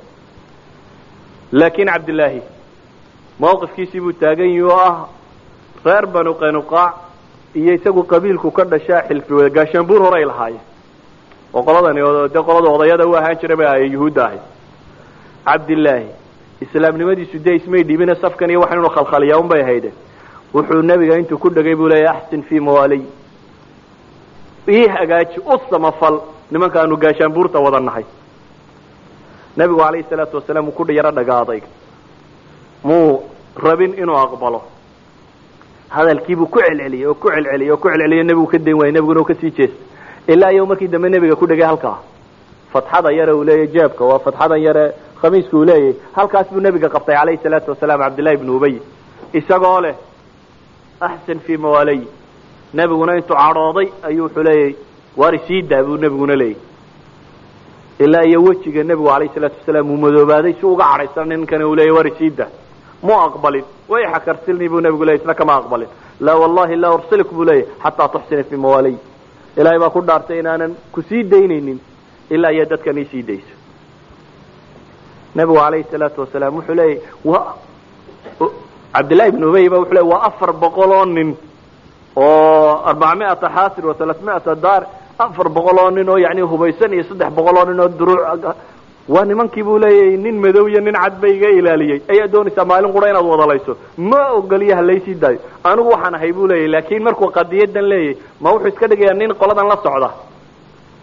Munaafiqiin yuhuudda maya inii imra'un aksha dawaa'ir buu leeyahy politically maslaxad baan inoogu jirin buu leeyahy yaan maslaxadda mujtamaca alxumaynin haddii nimankan la laayo rabshada aynugu badanayso dagaalada badan iyo caynka ini imra'un aksha dawaa'ir buu leeyahy anigu waxaan ahay nin dhibaatooyinka dambe iyo cidhibxumada ka baqaye ha la sii daaya buu leeyahy nimankan. Nebigu calayhi salaatu wasalaam munaafaqan wuu ka aqbalo wuu u sii daayey. Hadda u fiirso waa cabdillaahi waa afar boqol oo yuhuuda waa goob dagaal waa mawqifka caynkaasiya wuu aqbalo wuu isaga sii daayey mawaaqiftiisa siyaasigaa baan doonayaa inaan tusiyo iyo haddana sida loo wade loola dhaqmayay waayo qiyaadadu may ahayn un abubakar iyo cumar may maamulayne maca munaafiqiin maca yahuud maca waxaan o dhan bay qiyaadada islaamiga isku waday sida daraaddeed ghaswatu uxud waa tii la qaatay mawqifa in la dagaalamo oo laga hor tago gaalada. Waa tii laga hor yimi bartanka markii la marayey uxud in yar loo soo jiro. Ciidanka muslimiintu marka ay wateenba kun qof bay ahaayeen. Ayuu istaago intuu ukhudbaday saddex boqol oo qof buu dib u ceshaday. Arag ninku siduu sumcadda uleeyo dadka dee weli barh baa dhegaysanaya. Saddex boqol oo qof ayuu dib u celiyey saddexda boqoloo qof markuu dib u celinayey ma dhabbaayo ra'yigiisiibaa la qaadan waayey dadka barh baa waxay leeyihiin markii uu xaggeer madiine gudaheeda joogu ra'yi soo jeediyo ra'yigiisiiba aktariye laga raaco ma dhabbaayo ra'yigu qaadan waayo. Ma qabo. Waayo hadduu masalada marka horeba diidana dee mu iska hadho muxuu soo doonayay? Wuxuu rabay balbala fi saf inuu sameeyo. Marka ay muslimiintu xaaladdu ugu adag tahay inuu jebiyaabuu doonayay. Waayo haddaanu dagaalka doonayn madiinaba kama soo baxeen u iska hadhi lahaa. Laakiin markii horena wuxuu rabay intuu dadka ku soo daray isagii munaafiqiintiisa waxoo dhaba inay soo raacaan marka labada ciidan isku soo dhadhawaadaanna oo saddex kun ciidankii gaaladu iyo halkan degan yahay inuu muslimiinta safkooda intuu khalkhal ku rido laba u kala jebiyo dabeetana ay niyad jabaan oo isdhiibaan. Sidaa daraaddeed markii mawqifkii lagu soo dhawaaday buu saddex boqol oo ciidankii kamida la noqday. Si uu safka balbala ugu rido ilaahayna waa kale wa fiikum samaacuuna lahum.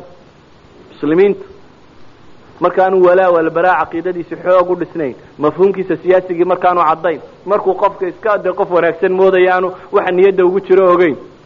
Waxa laga yaba inu isla ninkan weyni sax weeyaan ama sabab kaloun inuu dhegaysto markaasaa ilahay leeya wa fiikum samaacuun waxaa idinku jira yahuuddan iyo munaafiqiinta iyo waxa ka qaar u dhag raaricinayo waxay sheegayaan dhegaysanaya nebigu ninkan mawqifkiisa wuu ogaayo wuxuu ilaalinaya mujtamaca kan waayo ilaa xad buu gaadhsiiyey. Laba daa'ifo oo banu xaaras min alaws iyo banu salama min alkhasraj xataa ay noqon gaadheen iyaguna. Laba kooxood oo saxaabada ka mid oo aws iyo khasrajba ka mid a ayaa iyana ku sigtay inay dagaalka iskaga noqdaan. Oo ilaahay qur'aanka ku sheegayaa leeyahy id hama طaa'ifataani minkum an tafshala. Wallahu waliyuhuma wacala allahi falyatawakal ilmu'minuun waxaan leenahay wuxuu samaynayey inuu balbela safkan ku rido. Ninka caynkaasi iskama wada dhigayn dee nin islaamka necib ee wuxuu ah xagga kalena nin iska dhigayo inuu islaamka u gargaarayo wakaasoo arrimo cajababa laga sheega.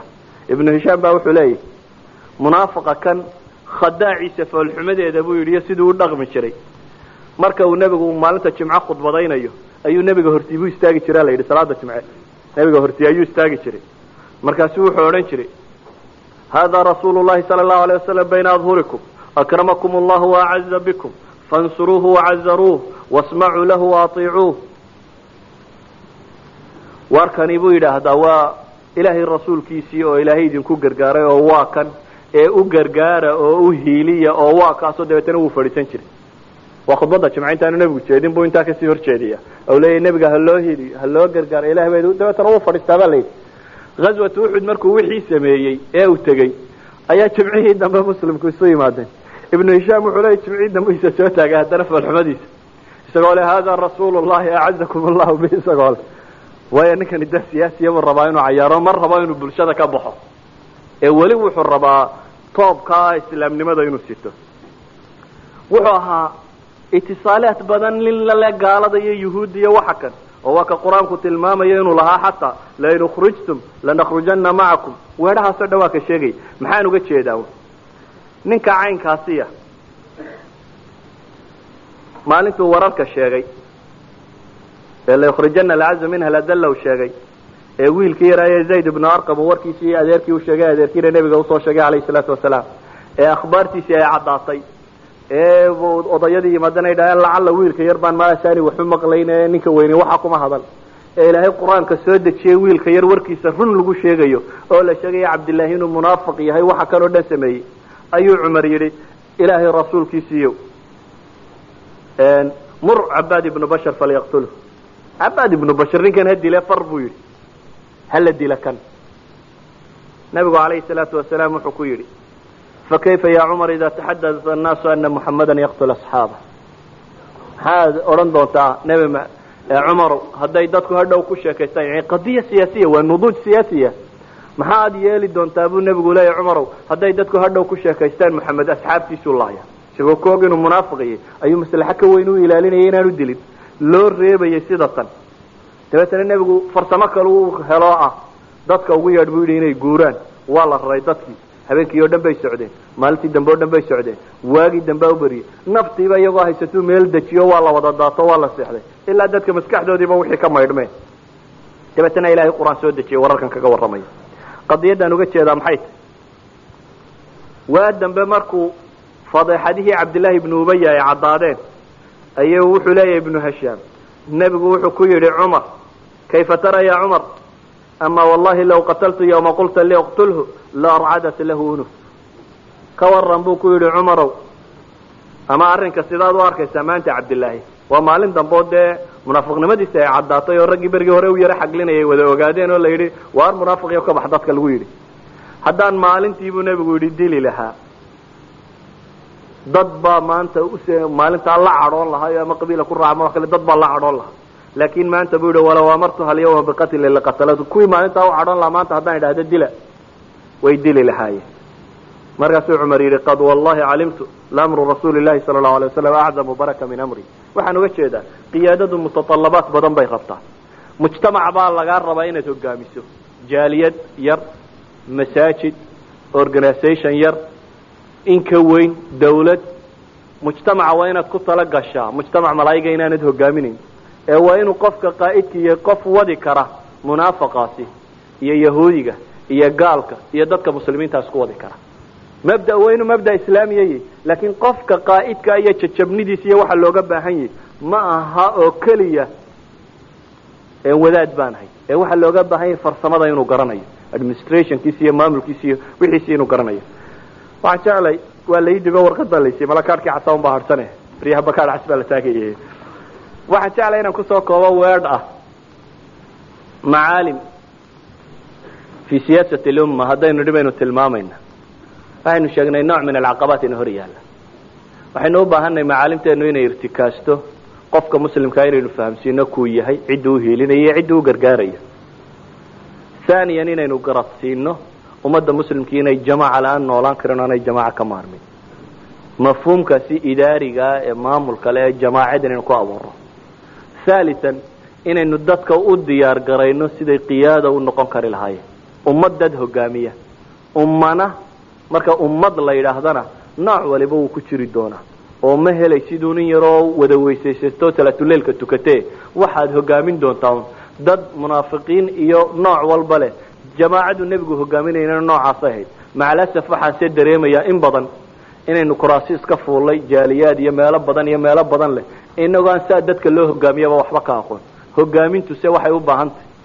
Mawaahib way leedahay ilaahay uu bixiyo oo qofka la siiyo laakiin waxay kaloo leedahay ashyaa muktasaboo la barto oo la fahmi karoo la garan karo. Min alkitaabi wasunna haddii si fiican loo daraaseeyo waa laga fahmi karaa. Culumta basharkuna tajribo badan bay leedahay. Waxaan ku soo koobayaa markaasi. Mutatallabaadka qiyaadigaana waa inaynan ilaabin. Mujtamacana waa inaynu ku talagalnaa mujtamac inuu yahay wax waliba ku jiri karaan ka loo baahanya in la hogaamiyo. Ee malaa'igana aada hogaaminaynin. Wallahu aclam wabilahi tawfiiq jasa allahu khayran sheekh mustafa muxaadarad qayimka ahayd ee uu noo soo jeediyey ciwaankeeduna ahaa macaalim fi siyaasa alumma alislaamiya. Waxaan insha allahu tacala markaan u imaanaynaa dowrka asilada ama qaybihii su'aalaha ku saabsanaa. Waxaa su'aasha kore ay ku saabsantay sheekh mustafa waxaad nooga hadashaa had iyo gooraale siyaasadda iyo maaragtay arrimaha la xidhiidha haddaba ma jiraan buu leeyahay sheekh mustafa kutub aan kaa dhaxalno isla markaana aan ka akrisano mawaadiicda aada nooga hadashay ee maaragtay aada noo falanqaysay. Hadday jiraan se xaggeen ka heli karnaa iyo maktabadee. Akhi fillaah haddaad kutub doonayso culamada iyo dadka muslimiinta ee mufakiriintii wax aada u badan bay qoreen. Laakiin himamkeenna yar iyo waxaynu akriyayno ma aha qadiyadani qadiyad maanta miskiinkan idin hor fadhiyo u baahan inay mufaker ka dhigtaan oo tidhahdaan waxa aad ka hadasho maad qorti. Waxaan aan sheegaa wax iyagu sheegeen culamada iyo mufakiriinta muslimiinta bacdi alkutaybaat agtiina ka buuxa un baan akriyaa wax ka badan maan sheego. Waxaan markaa idin tilmaamayaa war majaalka siyaasiga ee islaamigii waa uu faqiir ahaa waa jirtay. Laakiin maanta aada buu u soo kobcaya.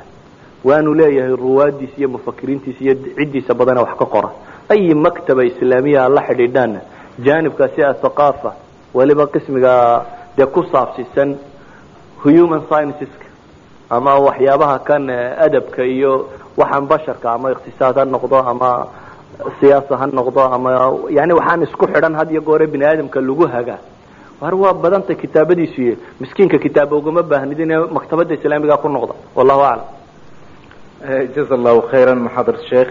Tanna su'aashaana waxaa inooga timid nin aada iyo aada maaragta yani u kulul cabanayana leh. Sidaan soo socota waxaan kaaga digayaa axmed inaad su'aashayda aada hoosgelisid markaan. Waxaana doonayaa buu leeyahay su'aasheeduna ay tahay waxaan nahay buu leeyahay ururada islaamiga ee ku nool waddamada scandinavianka. Waxaan xaadiray buu leeyahay shirar aada u tiro badan stockholm kii lagu qabtay iyo tibori marar kala gedisan had iyo goorana waxaa lagu baaqahay muslimiinta geyigaa degan scandinavianka in la mideeyo haddaba maxaana u samaysan weynay urur annaga noo qaasa oo maaragta yani maxaan ku dhaha danaha iyaga ka hadla ee midaysan ee aan ahayn macnaha ururo isku yimid sida badana lagu qoro boorarka maaragta yani shirarka. Aday kugu socotaaban aday kugu socotaaban umalayna su'aashuna ayib su'aashan kalena waxay ku saabsan tahay macnaha waxa weeye isla mawduuca ah in xisbi siyaasi ah maadaama aan ku noolnahay wadamadan scandinavianka isla markaana macnaha weeyaan loo codeeyo xisbiyaal maarata cilmaaniya ama xisbiyaal gaalo ah. Mayay banaantaha markaa in loo codeeyo iyadoo laga rajaynayo maarata in uu cawaa-id siyaasiya ama maarata faa-iidooyin siyaasadeed in laga helo macnaha ama masaalix ay u qabtaan muslimiinta. Xisbi maxay waxa uu doonayaa in loo sheegay inay bannaan tahay in axsaabta siyaasiga ee ka jirta wadamadan scandinavianka in loo codeeyo codka la siiyo votka la siiyo. Si ay muslimiinta iyaguna ay maarata wax ugu qabtaan ama ay maarata siyaasooyin ay ay muslimiinta ku wajahan ay siiyaan. Taqriban sida waa masala fiqiya ahlulfatwana u baahan. Dee waynala joogaa mala caalimkeeni cumar baa la weydiin bay la tahay. Ama ra'yi kuma lihin waxa ay ku saabsantaa laga yaabaa su'aashaana xagga maaragta yani masaa-ishii ku saabsanayd macnaha shirkii wadaadada. Waxa uu leeyahay shirka wadaadada ee lagu qabanayo masalan xamar oo kale ama meelo kala gedisan maxay u dhacdaa buu leeyahay in wadaadada kaliya lagu casumo oo aysan u dhicin maaragta in siyaasiyiin kale laga soo qayb geliyo maadaama meesha siyaasad ay kusa ku salaysan tahay? In siyaasiyiinta kale ay ka soo qayb galaan macnaha loogu yeedho shirarka islaamiga ee dhaca ee aysan dhacin wadaadada kaliya in loogu yeedho meesha maadaama siyaasad looga hadlayo runtii ummad islaamiya hadday jirto oo itijaah islaamiya ay leedahay waxaa habboon bikulli jawaanibiha inay mustaqbalkeeda ka wada shirto. Laakiin waxaan leenahay dee siyaasigu hadduu cilmaaninimo marka hore rumaysay ma ogola isagaan raba inuu ka soo qayb galo. Qofku mabdaa waa inuu ku qancaa runtiisuba yay badnaanin mabdaa waa inuu ku qancaa hadduu siyaasi cilmaaniya markaasi yahay dee asal buu secularism aaminsan yahay oo asal baanu kula mabda ahayn yani shirka shuuciyiinta ideologyga ay leeyihiin dee rasmaaliyiintu ma tagaano kama soo qayb gala waayo waxba ugama danaha marka siyaasigu hadduu nin cilmaaniya yahay de isagaan rabin. Laakiin hadduu qof siyaasa islaamiya ku fakeraya uu yahay waxaan leeyahay ugama xaqa lahaa kuwa culamada quriyay isna waa in ra'yiga la weydiiya ka qayb gala dadka muslimiinta ah qadaayaadkooda iyagoo u dhan. Waayo waktiga ayaa cidhiidhi igu noqday. Macaalimta waxaanu arkayay waaweyn inay ka mid tahay almaclam ashura oo u baahnaa runtii inuu noqdo maclam aan xoog u tilmaamo oo ah waxyaaba aan rabna inaynu mujtamaceena ku tarbiyayno macaalimta siyaasiga islaamiga ah inaan cid gaari un dadka intay god madow ula gasho u soo goynin oo kuun o dhan waxaas baa la gaadhay inay dadku waxooda ra'yi ku yeeshaan. Afkaartooda inay ku yeeshaan. Wixii ilaah iyo kitaabka alle iyo sunnada nebigu goysay iyada dee caalimna war kuma le cid kalena kuma leh. Waxa kale ra'yi ah dadku aaraada wuu siman yihi sidaa daraaddeed waxay ahayd in aada ummadda loogu faafiyo siday u shuurayn lahayn. Shuuraduna ma aha qadiya siyaasiya baxta. Ee waxaan leenahay waa qadiya mabda'iya islaamiya mana aha qadaayaadka waaweyn ee ummadda qura xataa kuwa yaryar waa in laga shuuray. Nebigu calayhi salaatu wasalaam waxaa la yidhahdaa saxaabada waxay ku sheegaan cid ka mashhuuro badnayd ma jirin. Cid walba wuu la tashan jiray.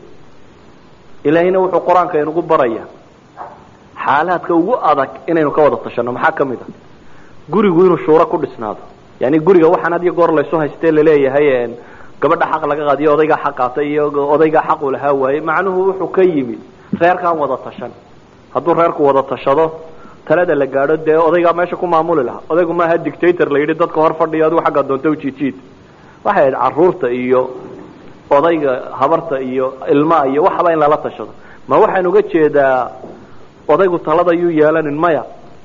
War waa barbaarin aada odayow carruurtaada barbaarinayso aada barayso inuu qof yahay qof bakeri kara qof wax niqaashi kara qof wax qofka haddaan waxaan practically loo tusin shuuraa banaan shuuraa banaan haddaad ku tira waamruhum shuuraa baynahum haddaad u akrido waamruhum shuuraa baynahum isna u akriya u ka tegi laakiin wuxuu wuxuu u baahan yahay practically in loo fuliyo hadduu odaygu markaa intuu jalse u sameeyo reerka haweenaydiisa iyo caruurtiisa iyo waxaanba la yidhaha berri maxaynu qabanaa laga wada tashado waa inuu qanciyaa oo siduu u qancin lahaa waa inuu dadaala qadaayaadka ugu adag hooyada iyo aabbuhu markay kala tagaan baa la yidhi hadday carruur leeyihiin ilmahaasi uu naasku nuugayo. Naaska ka goyntiisa baa la yidhi waa inay shuura ka dhacda. Suurat albaqara baa ilahay ku tilmaamaya. Haddii la yidhi waxay ka wada tashanayaan odag iyo islaantii kala tegey ee isfuray ilmahoodii ay naaska gabadhu jaqsiinaysay ayay ka wada tashanayaan in naaska laga gooyo iyo inaan laga goynin. Hadday wada joogi lahaayeen markaa maxay ka wada tashan lahaayeen? Waxaan leenahay markaasi maaha arrintu siyaasiyiinta maxaa wadaadada ugu yeedhi? Waayeen waxaan oo dhami waxaan leeyahay war weli wuu inaga maqanya inaynu kobocno oo u kobocno. Qaaba inaynu qadaayaadkeena had iyo goor ummadda aynan ka qarin ummadda inaynu la tashano ummaddu inay wada tashato ummaddana inaynu u soo jiidno mabda'a islaamigaa dhankiisa. Siyaasiga cilmaaniga laakiin aniga qiima iguma fadhiyo. La tashigiisu waayo marka hore aanu kala mabda'nay qiimo badan iguma fadhiyo. Wallahu aclam